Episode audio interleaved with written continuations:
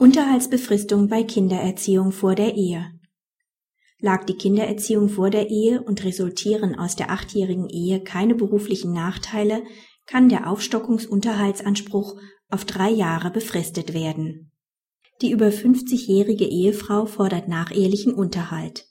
Die Parteien heirateten 1993, das gemeinsame Kind ist jedoch überwiegend vor der Ehe aufgezogen worden.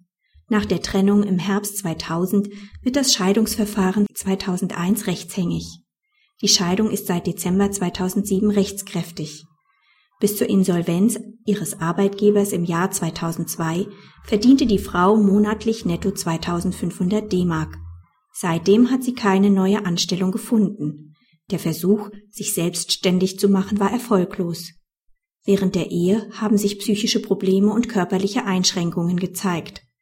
Ein amtsärztliches Gutachten bescheinigt jedoch eine günstige gesundheitliche Prognose, wonach die Ehefrau nur noch eine Übergangszeit braucht, um unabhängig vom Ehemann leben zu können.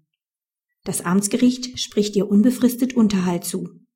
Der Mann geht hiergegen in Berufung und verlangt hilfsweise die Unterhaltsbefristung auf ein Jahr. Das Oberlandesgericht befristet den Anspruch der Frau bis Dezember 2010.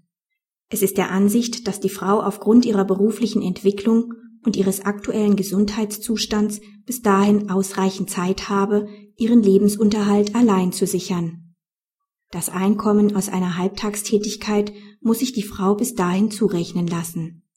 Der demgemäß fortbestehende Anspruch auf Aufstockungsunterhalt ist jedoch unter Würdigung aller ersichtlichen Umstände auf drei Jahre zu befristen, denn die Erziehung der gemeinsamen Kinder fand überwiegend vor der Ehe statt. Bereits im achten Ehejahr wurde das Scheidungsverfahren rechtshängig.